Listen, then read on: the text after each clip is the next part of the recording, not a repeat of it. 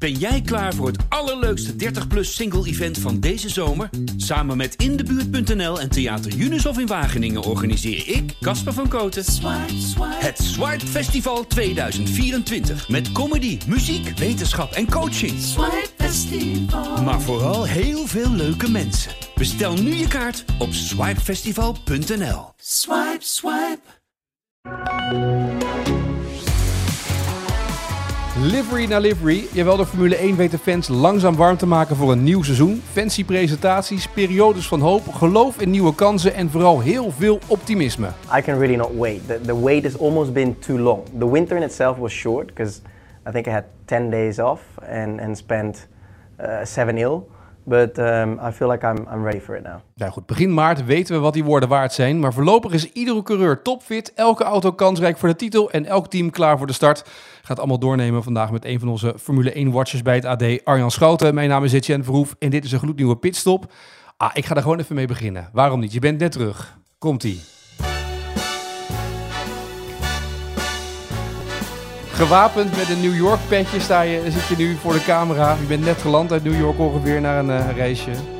Dit zijn ja, ze wel, hè? prioriteiten, hè, Etienne? Ja. Niet eerst even douchen en mijn haar doen, maar eerst die podcast. Snap ik. Maar dit zijn wel de, dit zijn wel de liveries, toch? Zo wil je ze wel hebben in New York, of niet? Ik, eh, wat mij betreft gaan we het hele seizoen afwerken. Ik heb een rondje Central Park gelopen. Nou, dat is best wel een leuk circuit, hè? Hoogteverschil ook nog. Ja. Moeten er wel, eh, er zit eigenlijk alleen maar één spannende bocht aan de achterkant in. Dus misschien dat ze daar nog wel wat aan moeten doen. Maar eh, ja, ik zie potentie hoor. Ja, dat geloof ik, ja. Eh, Ja. Het was de livery van Alfa Tauri waar je bij bent geweest. Langzamerhand komen steeds meer teams erbij. Hoe was die? Want het was een beetje een modeshow toch eigenlijk? Dat zag ik. Ja, het ging mij eerlijk gezegd niet echt om die livery hoor. Nee. kan mij daar nou schelen heel wat voor kleurtjes op die auto gooien. Ja, toch? Ik ben kleurenblind. Ehm, maar eh, ik heb me laten vertellen dat het rood-wit-blauw is. En dat komt ook omdat er een, eh, een, eh, een Poolse sponsor, eh, Orlen, eh, is overgelopen. Mhm. Dat betekent dus ook eh, dat het, eh, het, het definitieve einde van Kubica in eh, de Formule 1 eh, eh, eh, een feit is. Ja. Want eh, ja, dat was min of meer zijn... eh, waar hij ging, ging dat bedrijf mee. Ja. Eh, maar dat is een leuke bijkomstigheid natuurlijk met een Nederlander in de auto. Maar het was, ja, het was echt een modeshow. Hè. Ja, je zal de beelden hebben gezien. eh, aan- aanvankelijk wist ik niet zo goed wat we moesten verwachten. Want ik heb mezelf daar enorm naar binnen moeten lullen. Want ik stond aanvankelijk niet op de invitatielijst. Maar ik dacht, ja, nieuwe Formule 1 coureur. Auto wordt gepresenteerd in Hartje, New York. Met uitzicht op Central Park. Voor de krant leuk. Niet in de laatste plaats voor mij ook leuk. Ja.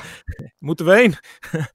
maar ehm, ja, ik kreeg een beetje een gevoel van tevoren dat er ook een rode loper zou zijn en dat die collectie geshowd zou worden. Maar het, het was best statisch. Hè? Die auto stond daar en eh, zes modellen die stonden daarachter met de nieuwe collectie die in Amerika wordt gelanceerd. Tijdens Fashion Week. Dus eh, eh, het was best wel een, een ding daar voor de, ja, de, de fashionjournalisten, denk ik. Hè? De modejournalisten heb ik verder niet zo heel veel mee. Maar ja, je probeert het in een. Eh, hoe moet je zeggen? Je probeert het op een, op een leuke manier aan te kleden, op een nieuwe manier. En dat is volgens mij wel gelukt. Ja, maar jij zat dus even voor het beeld. Er waren dus niet alleen maar Formule 1-watchers daar aanwezig. Maar er waren dus ook allemaal eh fashionjournalisten daar aanwezig. die eh, de Alfa Tauri, het kledingmerk, gingen beoordelen. Nou, bijna alleen maar, Jen. Ik heb Lawrence Barretto gezien. Weet je wel? Wie? Die in Netflix documentaire ook het een en ander aan elkaar praat. Geen idee. Ja, je kent hem wel. Je kent hem wel. Eh, Google hem maar even. En ik heb eh, de NOS was er. Eh, en ja, de collega's van Racing News. En ik. En ja, verder. ja, voornamelijk journalisten en influencers en modellen. En mannen met hele moeilijke kleding aan. ja, de New Yorkse hip en happening liep daar rond. En, en onze Nick uit, uit Snake. Ja. Dus ja, dat, dat was, dat was natuurlijk lachen, gieren, brullen. Gaan we nou dit seizoen Nick of Nick zeggen? Ja, wij moeten Nick zeggen, maar ik denk dat de wereld Nick gaat zeggen. Dus wij gaan, wat gaan wij dan doen? Nou, eh, wij zijn allebei NBA-fan. Ja. Eh, daar werd hij overigens, hij was te gast hè, bij de Brooklyn Nets tegen eh, Chicago Bulls. Daar werden ze geïntroduceerd op het grote scherm. Eh, de Vries en Tsunoda samen op de kisscam. Was ook wel een, een leuk eh, momentje. Niet gezoend overigens. Maar daar stond gewoon Nick met N-I-C-K. Dus eh, ja, die Amerikanen zullen ook wel denken, niet, eh, niet ingewikkeld doen jij, eh, jij Fries. Ja. Je bent gewoon Nick voor ons. Maar eh, ja, wij blijven hem natuurlijk gewoon Nick noemen. Ja. Want het is Nick. Maar dit was, dit was New York omdat het daar moest, omdat de mode moest worden, of omdat Amerika het beloofde land is voor de Formule 1? Ah, het komt natuurlijk allemaal een beetje samen. Maar kijk, Red Bull was er natuurlijk ook ja. uh, die week daarvoor. Daar was ik zelf niet bij. Ik heb het ook niet kunnen zien. Ik heb alleen maar de fragmenten daarna gezien. Maar ik begreep van de collega's dat dat best wel een beetje een soft was. Dat het allemaal een beetje snel, snel, snel. maar Alfa Tauri... dus dat scheelt. Ik bedoel, dat is op zich. Wat zeg je? Ze zijn ook snel, dus dat klopt ook wel, toch? Ja, nee, tuurlijk. Ja. Ja, ja. Maar Alfa Tauri was daar vooral... Alfa Tauri, hè, voor de luisteraars die dat niet weten... Alfa Tauri is het modemerk van Red Bull. Hè, die hebben gewoon collectie, uh, nou ja, uh, kleding, uh, broeken, truien, overhemden, jassen. Ehm, dat, dat merk is ook gelanceerd in Amerika en nu kwam de nieuwe collectie. Dus dat kwam allemaal mooi samen. Het is, het is, een, het is niet het spul wat, wat je bij de H&M koopt, zeg maar. Het zit even in een iets ander segment. en dat kwam mooi samen tijdens die Fashion Week. Dus in die zin snap ik het wel. En dat neemt niet weg dat het, het feit dat Formule 1 daar enorm groeiend is, ook wel uh, meegespeeld heeft om, ja, wat, hoe, hoe ze dat dan in commerciële termen zeggen, wat momentum te creëren. Ja, maar goed, Red Bull was er ook. Dat heeft ook te maken met het feit dat Amerika een Grand Prix erbij krijgt in Vegas, toch? Om de, om de boel een beetje aan te ja, Zal ook wel een beetje met Ford te maken hebben, denk ik. Ja, natuurlijk. Die, die samenwerking is er ook natuurlijk vanaf over een paar jaar. Dus dat, dat ja. telt ook allemaal mee dan. Ja, ja, ja. Goed, laten we beginnen bij Nick. Dan gaan we daarna praten. Nick, Nick. Uh, die was er helemaal klaar voor, liet hij weten bij CNN. I, I feel really ready. We put in a lot of work um, together with my new trainer, Piri. Uh, I really trusted him on his philosophy and his approach. So uh, I kind of just followed, uh, followed, um, yeah, his his program, and um, together we we pushed hard and, and we shared the pain together. So tough days we would always do together, uh, intervals or heavyweight days, and um, I feel like we're in a you know, we're in a good place. I feel strong and ready to yeah, start the season. Dit is zeg maar de typische uh, beginnersquote van elk, aan het begin van elk seizoen van elke sporter. Hè? Ik ben er klaar voor. Ik ben fit en alles. Ja, ja. Maar uh, hij zei daar uh, bij ons nog veel meer over. Mm -hmm. en hij had vooral hele mooie dingen over die training. Omdat hij... hij gaf het eigenlijk maar gewoon toe. dat hij de afgelopen jaren met die, met die raceklasses die hij gedaan heeft ja, hij vond het eigenlijk een beetje raar om te zeggen, maar daar kon hij eigenlijk ook wel gewoon doen met eh, het onderhoudende uh, fysieke werk wat hij gewoon deed. Dus af en toe hardlopen, af en toe naar de sportschool, hè? Uh, een beetje duur, een beetje cardio. Ja. Uh, maar wat hij nu krijgt, dat is natuurlijk echt wel wat anders. Kijk, we hebben allemaal Monza gezien, dat hij bijna niet meer, dat, dat hij bijna uit de auto getakeld moest worden. Dat wou ik zeggen, daar is hij erachter gekomen dat hij iets meer moest doen eigenlijk. Ja, maar hij zat met ons te praten en ja, die jongen is hartstikke afgetraind. Die heeft de hele winter uh, is die afgebuld door uh, uh, de, de, zijn, Finse, zijn Finse trainer, de oude trainer van Gasly. en hij maakte de grap, in Monza kwam ik niet uit de auto. Straks in Bahrein kom ik misschien wel niet meer in de auto. Omdat hij zo, zo breed is geworden. Nou is dat natuurlijk allemaal lulkoek. Want Niek is een hele kleine Friese... hoe noemen ze dat in boksen? Een vedergewicht. Ja, dus, ja. Die komt er wel in hoor, maar ik snap de beeldspraak. Hij heeft keihard gewerkt. Uh, niet in de laatste plaats, omdat hij natuurlijk ook, ja, uh, zijn verhaal is bekend. Hij is al 28. Uh, eh, dit is de kans waar hij zijn hele leven op gewacht heeft. Het is er nu. Dus dit is nou typisch iets wat je aan de voorkant al helemaal zelf voor elkaar kan hebben. Dus er fysiek helemaal klaar voor zijn. Dus dat is logisch dat hij daar alle ballen op heeft gezet deze winter. Ja, maar je ziet het ook inderdaad een beetje in Drive to Survive. Uh, als je die afleveringen ziet door die gasten, het is niet alleen maar hardlopen. Hè? Het is ook gewoon keihard trainen. Je ziet bij Verstappen ook de filmpjes op Instagram voorbij komen in dit winterseizoen. Eigenlijk leg je nu de basis voor de rest van je seizoen.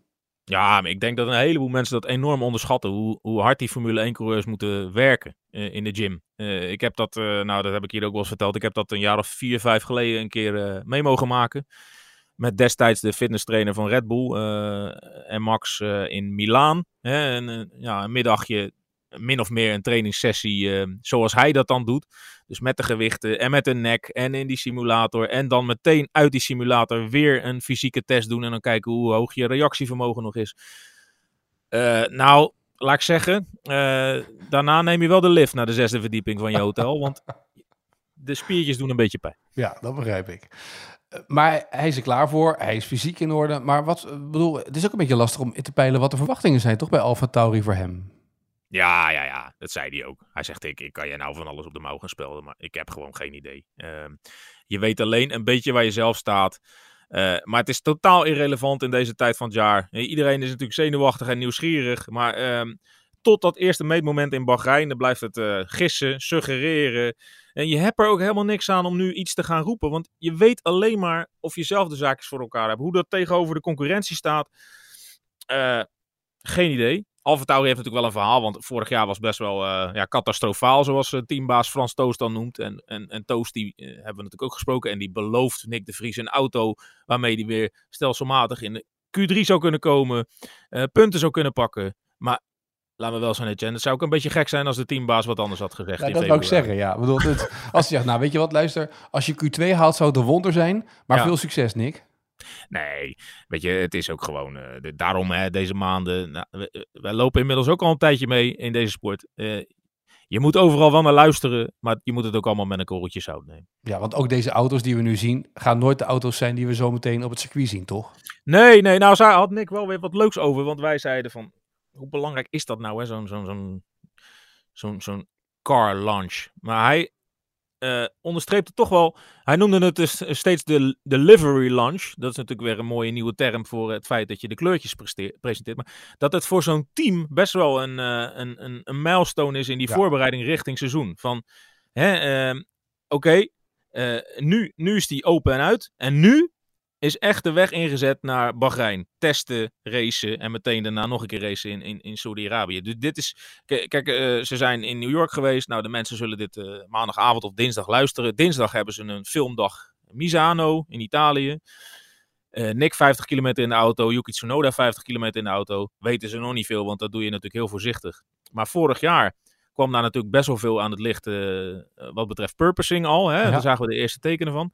Uh, dus ze zijn ze weer ietsje wijzer. En dan, uh, ja, wat is het dan nog? Twee, drie weken? Drie weken denk ik. Ja. En dan, ja, Bahrein. Test. Maar, maar wat, wat is er nou wezenlijk veranderd? Dat ze, ze hebben wind, windtunneltijd. Ze hebben meer te kunnen testen bij AlphaTauri. Want ze zijn natuurlijk niet zo heel hoog geëindigd. Dus dat scheelt een beetje. Maar wat is er wezenlijk anders? Nou, dan ga ik even Frans Toost, Toost citeren. Hij zegt: Behalve de versnellingsbak en de achterophanging staat er een compleet nieuwe auto. Vorig jaar was het worstelen, hadden we problemen snel door, maar konden we die niet oplossen vanwege het budgetplafond.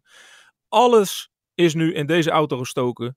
De stopwatch bepaalt, maar onze voortekenen zijn allemaal uiterst positief. Maar wacht nou. even, zeg je nou dat de versnellingsbak en de achterkant die zijn hetzelfde gebleven? Behalve de versnellingsbak en de achterophanging staat er een compleet nieuwe auto. Maar ik heb Gasly toch vorig jaar twintig keer in die boordradio horen schreeuwen dat die versnelling niet werkt. Dat hij terug kon schakelen en dat soort dingen allemaal. Ja, maar die is inmiddels wel... Uh... Ja?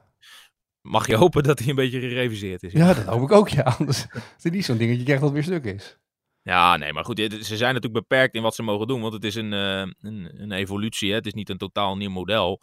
Maar uh, ja, je, je merkt aan alles bij AlphaTauri maar nogmaals, dan, dan, dan vallen we in die, uh, in, die, in die put waar we het net ook over hadden. Dat je niet alles uh, uh, één op één aan mag nemen. Maar het is daar wel heel erg het verhaal van. Ja, vorig jaar was nou ja, gewoon ouderwets kloten, zeg maar. Ja. vroeg is al bepaald van nu gaan alle ballen op deze auto.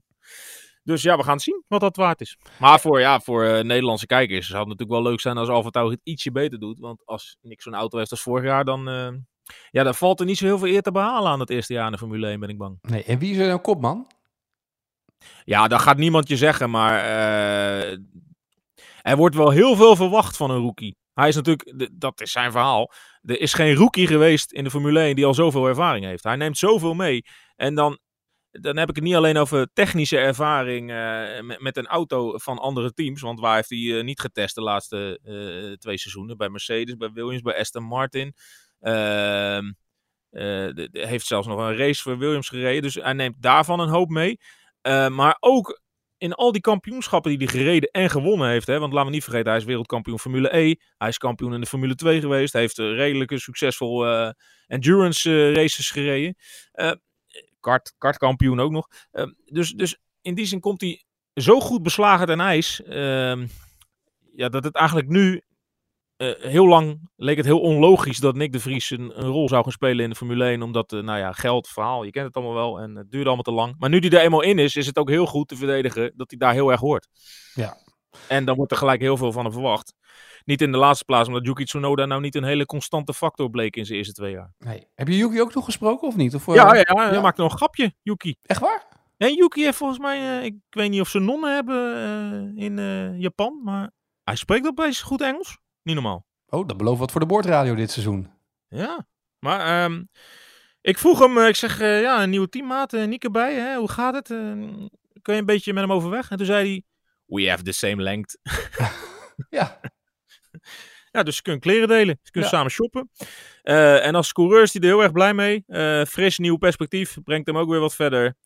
En uh, kunnen goed met elkaar overweg. En hij zei ook, maar toen ging Frans Toos, nam heel snel het gesprek over. Hij zei ook, we hebben privé ook al eens uh, een drankje met elkaar gedaan. Maar toen ging Frans Toos, dus toen konden we daar niet verder over praten. Oh. Dus dat komt nog een keer. Oké. Nou, maar ze kennen elkaar al uh, wat langer dan vandaag, zeg maar. Dat is goed om te horen. Uh, hoe was het bij Red Bull? Wat, hoe is het bij Red Bull? Hoe staan die ervoor? Want die hebben natuurlijk minder tijd. Die hebben, die hebben minder windtunneltijd. Die hebben die straf natuurlijk achter de kiezer gekregen vorig jaar voor het overschrijden van budgetcap. Hoe ja, daar zou je idealiter eigenlijk maar voor moeten hebben. Want die heeft daar vorige ja. week naar gekeken toen ik naar schaatsen zat te kijken. Maar ja, ik zag, ik, zag Horner, uh, die er overigens verdacht veel uitleek te zien als Toto Wolf. hè? Met een kooltrui en een brilletje op.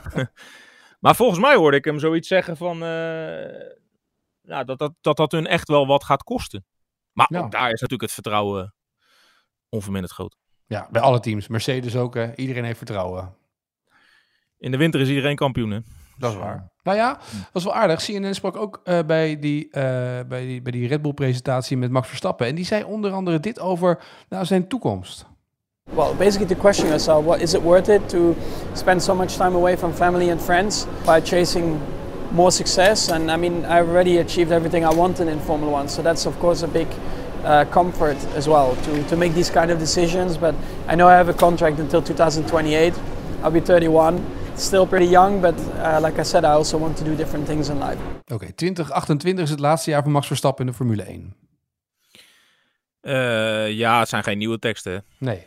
Hij heeft het al zo vaak gezegd. Uh, en tegelijkertijd, um, je kan nu niet heel goed inschatten uh, hoe dat beeld dan is. Kijk, als hij de komende, waar hebben we het dan over? 23, 24, 25, 26, 27. We hebben het nog over zes jaar, hè? Stel dat hij die allemaal kampioen wordt. Ja, dan kan ik me goed voorstellen dat hij, uh, ja. dat hij afzwaait. Ik kan me ook heel goed voorstellen dat hij nog één of twee keer kampioen wordt. En daarna drie keer helemaal uh, niets meer kan presteren in die Red Bull. Dat hij misschien dan al weg is. Uh, bij een ander team. Ik kan me ook goed voorstellen. nou, ik bedoel maar te zeggen, je weet niet wat de scenario's zijn. Ik bedoel, nee. dat is allemaal leuk. Maar dat contract loopt nog zo ongelooflijk lang door. Het is een ongekend lang contract voor Formule 1. En ik snap heel goed dat die jongen uh, niet tot zijn veertigste uh, zegt te willen racen. Want hij zat natuurlijk ook wel heel vroeg in die auto. Ja, nou ja, hij zegt ook dat sommige dingen soms belangrijker zijn. Ik bedoel, uh, gezin, vrienden, familie, om daarbij te zijn. En dat het niet de moeite waard is om steeds maar te blijven racen in het moordende schema van de Formule 1 met steeds meer races erbij. Nee, nee, nee. Hij heeft er ook nooit uh, een geheim van gemaakt dat er volgens mij best wel een kinderwens bestaat. Uh, uh, nou ja, er is natuurlijk al een, een, een, een kind. Een klein piketje. wat zeg je? Een klein piketje. Ja, nee, maar uh, kijk, uh, zijn vader heeft ook jonge kinderen, dus er zijn ook altijd jonge kinderen om hem heen. Dus hij krijgt van heel dichtbij ook heel erg mee uh, wat er allemaal voor anders bestaat in het leven. is natuurlijk zelf heel jong geweest toen zijn vader ook nog in de Formule 1 zat. Dus hij, hij kent beide kanten van het verhaal. Het is niet dat alle focus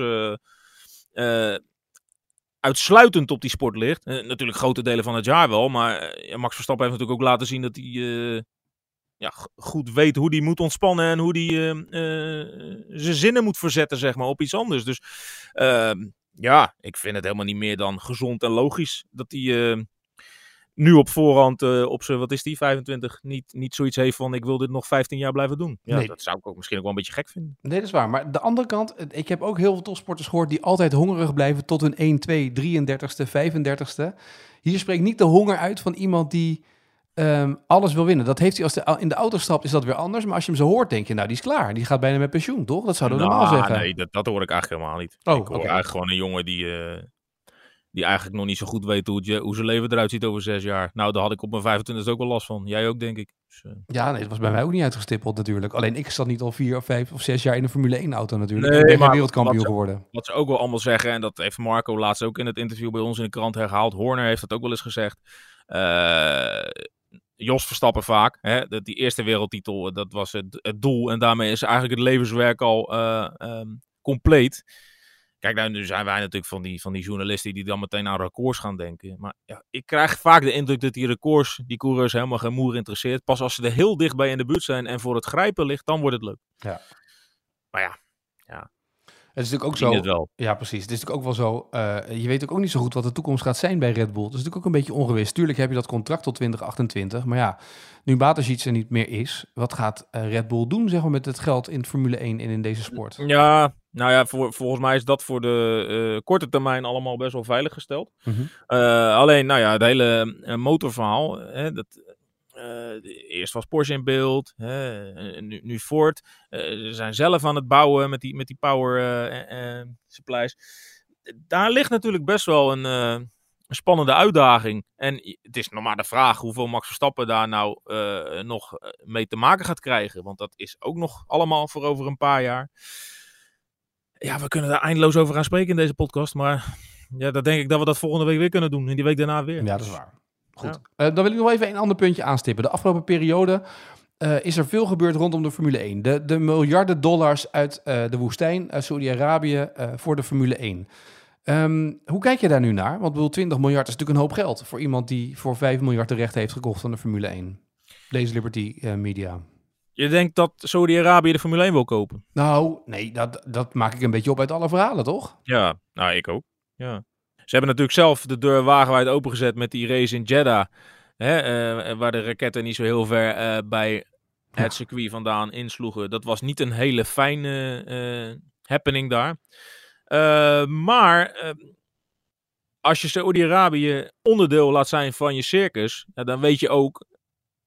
ja, je, je moet wel heel achterlijk zijn als je nu nog niet de indruk hebt dat Saudi-Arabië ook een soort haai is op sportgebied. Ze willen alles. Ze hebben overal alles voor over. Eh, dus eh, Ja. ja, eh, ik, ik denk dat als dat bod van 20 miljoen onzin was, Miljard. dan... Wat zeg je? Miljard. Twi- ja, sorry, 20 miljard. Klein detail. Maar als dat totale onzin was, dan hadden wij daar nooit iets van gehoord. Eh, dat is natuurlijk niet voor niks gedropt. Ehm, het is nu 20 miljard. Daar kan Formule 1 natuurlijk heel lang nee tegen zeggen. maar niet eindeloos. Voor Liberty Media is sport uiteindelijk ook gewoon een investering. En dan kun je er allemaal hele mooie dingen aan gaan hangen. Van eh, ja, maar de nieuwe eigenaar moet ook eh, ideologisch zien eh, wat, de, wat de toekomst moet zijn voor deze top. Nee, jongens, het is gewoon geld verdienen. Ja. Ik, ik kreeg twee weken, geleden, twee weken geleden ook weer een mail dat de nieuwe teams, die moeten niet alleen geld betalen, maar die moeten ook constructieve plannen hebben om bij te dragen aan de, ja, dat was het, de, de, de, de normen en waarden die bij de sport horen richting 2030, wat betreft eh, ja, de, de, de, de ecologische doelen, of eh, hoe moet je dat zeggen? Ja, de footprint, de zeg maar. verduurzaming Ja, van de sport precies, ja. het klinkt allemaal net dat je in een of ander soort, soort, soort eh, ecologische wedstrijd het inschrijven bent. Jongens, het is gewoon Formule 1. Eh, ehm, het is allemaal leuk en aardig, maar Saudi-Arabië daar eindeloos veel geld voor over heeft, dan gaat dat op korte of lange termijn toch een keer eh, een wel heel lucratief bod zijn wat heel moeilijk te weigeren is. Ben Ja, ik bang. Precies. En wordt de sport daar beter van? Nou ja, dat weet ik niet. Jij kan dat als eh golfexpert misschien beter be- be- Omdat Live Tour zeg maar gestart is met Saoedische dollars en dat daar een aantal grote namen naartoe is gegaan, maar vooral heel veel mensen niet eh, naartoe zijn gegaan. Ja, maar jij hebt ook gezien, dat eerste jaar, daar werd door geen hond bekeken van de Lift Tour.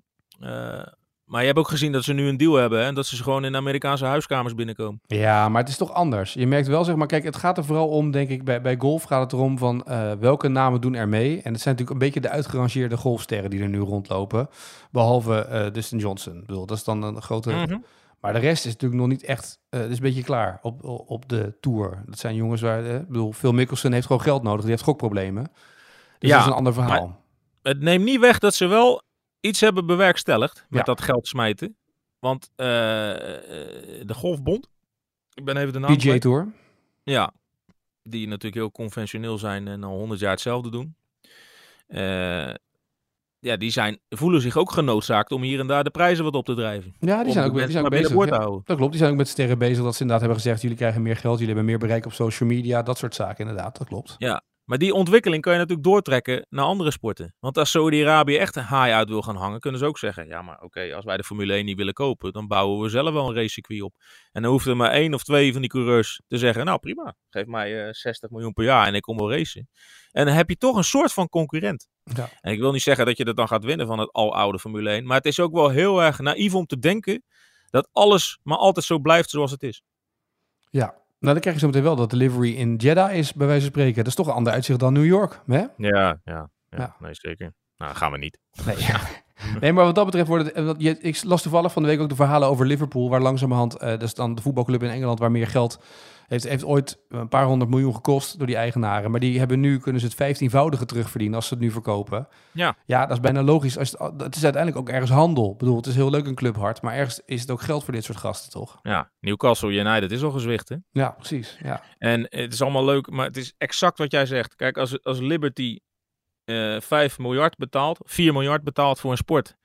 En dan kunnen ze 20 miljard voor terugkrijgen.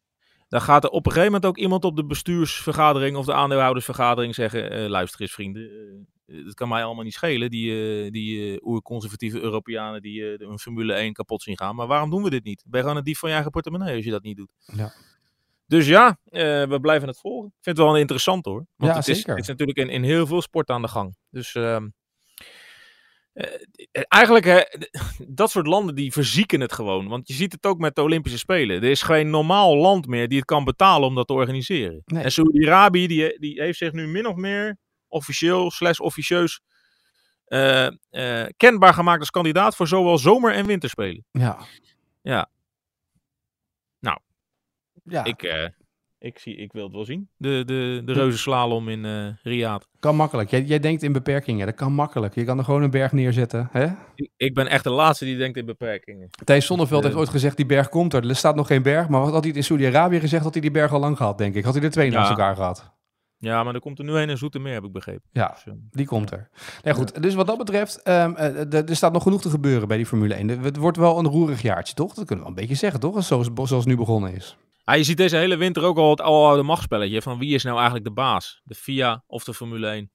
Ja. En uh, ja, de, de, de Formule 1 topt een beetje met een FIA-baas die wel heel graag zich, zichzelf hoort praten, die overal een mening over heeft. En dan is het nogal een overgang van Jean Todt, die toch een beetje de netwerker was. En een man die alleen op foto stond en die er dan juist niet was als die er moest zijn en juist wel was als die er niet hoefde te zijn.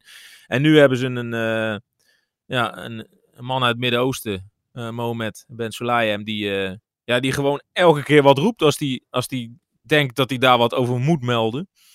Hè, bij dat Saoedi-bot waar hij wat over te vertellen had. Uh, het Via Gala, waar hij toch wel een beetje vreemde rol speelde. Door nog eens even terug te komen op uh, Budgetgate met Red Bull en dat soort dingen. En ja, en met, met die puntentelling bij de laatste race in Japan. Of dat nou de fout was van Formule 1 of van de team zelf. En, ja, je, ik snap heel goed dat de Formule 1 soms denkt: hou jij nou gewoon eens even een keertje je mond.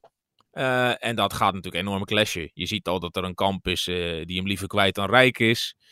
Uh, zou ook een beetje gek zijn als jij als sport, zeg maar, uh, min of meer zo kan bepalen dat een, een, een baas van de regulerende organen moet wieberen als hij een te grote mond heeft. Hè? Dan ja. heb je als commerciële rechthouder wel een hele grote invloed.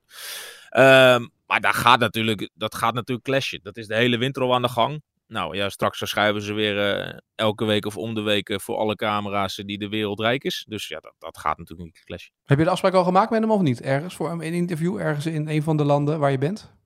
Nee, dat ligt heel lastig. Ik heb dat al eerder uh, aangegeven, maar de man praat heel veel. Maar om hem te laten praten met een Nederlandse krant, was hij toen niet zo happig op. Nou, ik zeg missie voor dit jaar, toch? Ja, ja, ja. Er moet een dag komen.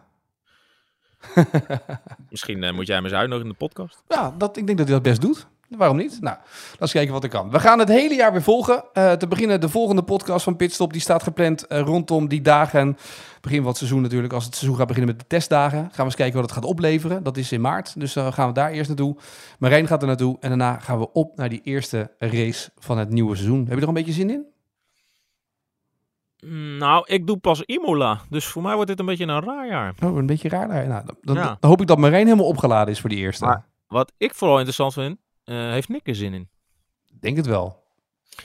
Weet je, uh, wat ik nog interessanter vind? Of ze in Bahrein ook uh, op de stoep liggen te slapen voor hem. Want dat was in Amerika het geval, hè? Echt waar? Ja, dat hebben we nog niet verteld, maar daar wil ik toch graag mee afsluiten. Ja.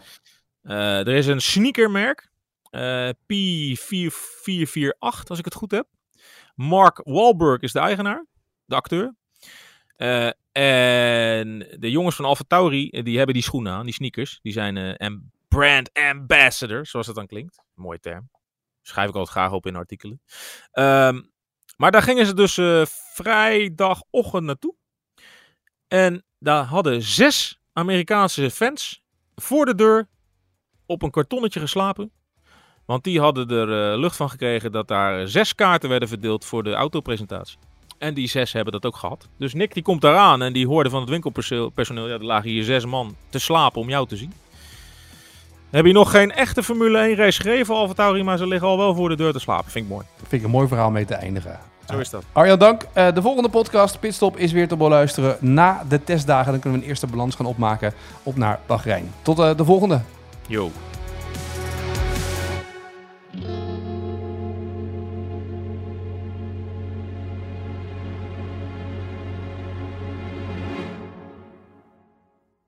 Ben jij klaar voor het allerleukste 30-plus single-event van deze zomer? Samen met Indebuurt.nl en Theater Unisof in Wageningen organiseer ik, Casper van Koten, het Swipe Festival 2024. Met comedy, muziek, wetenschap en coaching. Maar vooral heel veel leuke mensen. Bestel nu je kaart op swipefestival.nl. Swipe, swipe.